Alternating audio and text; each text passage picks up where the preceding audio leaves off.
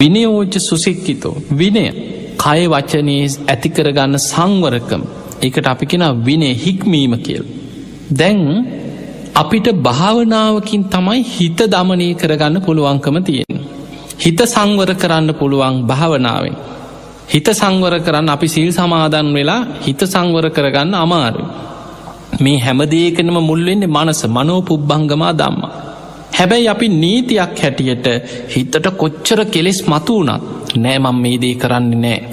තරහා යනවා මරන්නම හිතෙනවා සති. ඒ වෙලාවෙත් හිතර නෑමම් ප්‍රාණගාතයෙන් වලකිනවා කියන සික්ෂාපදේ සමාදන් වෙච්ච කෙනෙ. චර මට හිතුනත් මං කරන්නේ කරන්න නෑමයි කියලා අන්න යාට වලකින්න පුළුවන්. හොරකං කරන්නම හිතෙනවා. දකිනො ගන්න පුළුවන් කියලම හිතෙනවා මේක ගත්තොත් අහුවෙන් නෑ කියලත් හිතෙනවා. හැබැයි එයාට කොච්චර මනසෙන් හිත බල කරත් එයා හිතනොන්නේ මං හොරකමේ වලකිනවා කියලා සික්ෂාපදේ සමාදන් වෙච්ච කෙනෙ. මගේ කයමුල් කරගෙන නම් මං ඔය වැරදි වැඩි කරන්නේ නෑ හිතට කොච්චර හිතුනම් මං කරන්නේ මයි කියල වලකින. එතකොට ඒ වගේ වැරදිකාම සේවනයට සිත නැඹුරු වෙන්න පුළුවන්. හැබැයි යා වලකිනවා මං කායිකෝ මේ වැරදි වැඩේ කරන්නේ නෑමයි. වචනින් බොරු කියන්න කේලම් කියන්න පරුස වචන හිස් වචන කියන්න හිත නැඹුරුවෙන. හැබැයි යා හිතනවන්නේ මං ඔයිදී කරන්නේ. ආදීනව සිහි කරලා. ඒක හොඳ නරක කුසල් අකුසල් මෙනෙහි කරලා. එයාට එන සිතුවිල්ල පාලනය කළ වලක්ව ගන්න පුළුව. ඒ නිසා පිංහතුනේ කය වචනය ඇතිකරගන්න සංවරකම අපි සීලයකින් කරන්න ඒකයි. අපි පන්සිල් සමාදන් වෙනවා. පානාතිපාතා වේරමණි සික්ඛාපදන් සමාධය මම් ප්‍රාණගාතය වලකිනෝ. අදින්න ආදානාවේරමනි හොරකං කිරීමෙන් වලකි නොදුන්දේ ගැනීමෙන් වලකිනෝ එක හොරකම ඒකෙන් වලකිනෝ. කාමී සුමිච්චාචාරාවේරමණි. එතකොට කාමේ වරදවා හැසිරීමෙන් වලකින. කුමර බඹසර කුමරි බඹසර කියල්. විවාහ වෙනකම් බ්‍රහ්මචාරී ජීවිතයක් ගත කරන. විවාහ වනාට පස්සේ බිරිඳක් තමන්ගේ ස්වාමිය ඉක්මෝල යන්න. ස්වාමයා තමන්ගේ බිරිඳ ඉක්මෝල අනාචාරය දෙන්න නෑ. එතකොට ඒ විදිහට සිල්වත්ත තමන්ගේ කය හැඟීන් එන්න පුළුවන්. කෙලෙස්වල ස්වභාවේ රාග සිතුවිලි නොඒක් විදිහට හිතට ගලනවා. ඒක පාලනය කරන්න නම් භාවනා කරලා භාවනා කළ අසුබේ මෙනෙහි කරලා ආදීනව සංඥා වඩලා ධාතු වසයෙන් ආයතන වසයෙන් ස්කන්ද වසයෙන් අනිත්‍ය වසයෙන් මෙනෙහි කළ හිත දමනය කරගෙන තමයි කාමරාගේ යටපත් කරගෙන ප්‍රහණය කරන්න තියෙන්.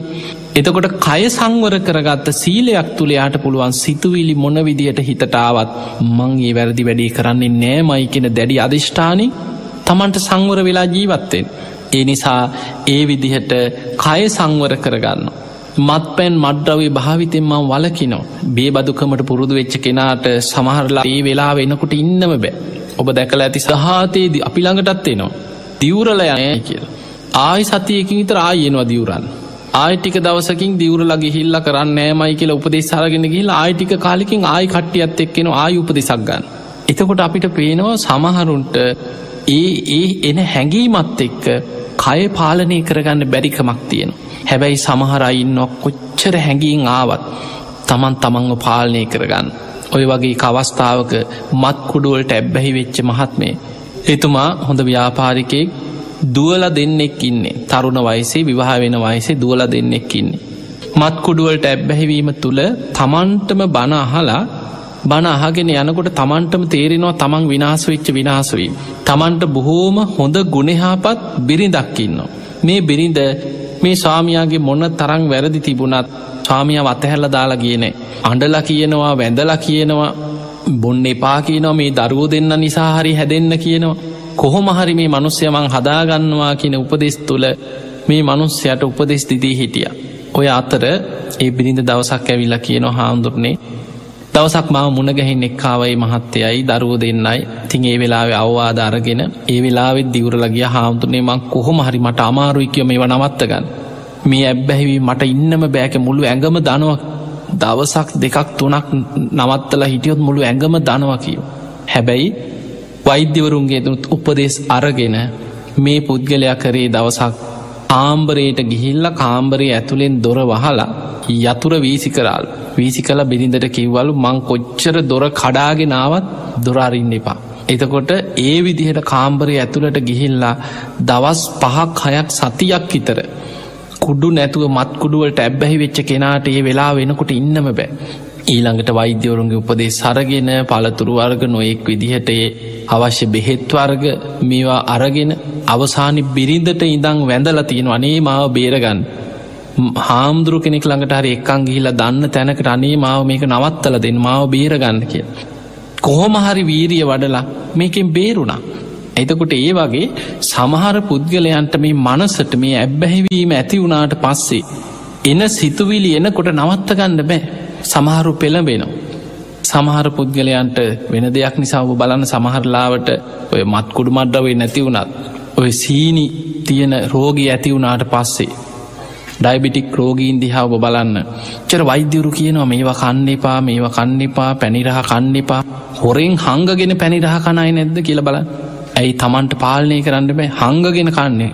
එතකොට පිටියක හරි හංගගෙන හොරෙන් කනො සීනි බෝතලේ හොරෙන් කනො එපා කියද්ද. වැඩ්ඩිපුරම ලෙඩ හැදෙන්නේ මේ තමන්ට තමන්ගේ හිතට එන සිතුවිලි ඔස්සේ පාලනය කරගන්න බැරිකම හිතට එන්න පුළුවන් පැනිරහට ආසාාව එන්න පුළුවන් කන්න ආසාහිතෙන්න්න පුළුවන් හැබැයි මේක හොඳ නෑ මේක ශරීරයට හොඳ නෑ කියලා ඒක ආදීනවේ සිහි කළ වලක්ව ගන්න දක්ෂ වෙන්න.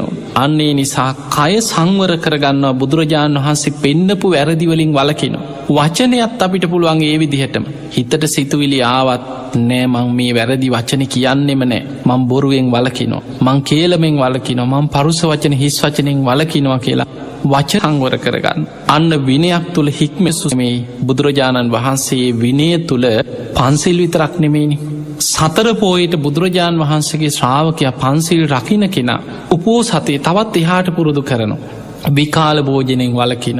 නැටුම් ගැයුම් වාදන විසූක දස්සන මල් සුවඳ විලවුන් දැරීම මේවා අපායන්න දේවල් නෙවෙයි හැබැයි ඒ කෙනා කල්පනා කරනවා රහතන් වහන්සේ අනුගමනය දැන් මල් එහෙමනම් අනිත් දවසෙත් සුවඳ විලවුන් ගැහුල්ුව කියලා අපායන්න එහෙම එකක් නෙමේ තන තියෙන් එයා චාම් වෙනවා. එයා සරල වෙනවා. එයා කල්පනා කරනවා බුදුරජාණන් වහන්සේගේ ශ්‍රාවක මහරහතන් වහන්සේලා මමත් මේ වීරිය වඩන රහත් වෙන්න නිවන් දකිින් උන්වහන්සේලා මේ වගේ බොහෝම සරල ජීවිතයක් ගත කරානං ඇයි මට මාසකට පසලොස්සොකොට හරි සතරපෝයට හරි ඇයි මට බැරි?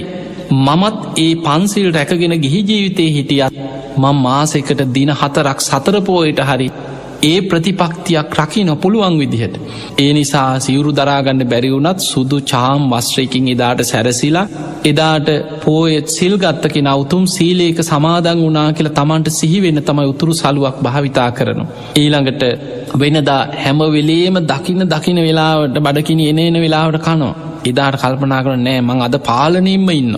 අද මං විකාල භෝජනෙන් වලකින්නවා. ඊළඟට කල්පනා කරනවා නැටුම් වෙනද නටපු කෙනා ඉදා නටන්න වෙනද සිින්දු කිය කිය හැම්ම වෙලාම සිින්දු කෑලි කිය කියගේ ඇවිද ඇවිදගිය දැන් කල්පනා කරනොන්නෑ මං අද මේ වචනය සංවර කරනවා. මං අද ධර්ම කතාවක් කැරෙන වෙන කිසිම වචනයක් යහපත් දෙයක් කැරෙන කතා කරන්නේ. මං කොහොම හරි මගේ වචනය සංවර කරගන්න. ඊළඟට වෙනදා මේසියක් දැක්කත් මොනවා දැක්කත් බෙරගහන්න ඕනෑ නටන්න ඕනෑ ගෙදර ඇවිදින්නෙත් නටනට.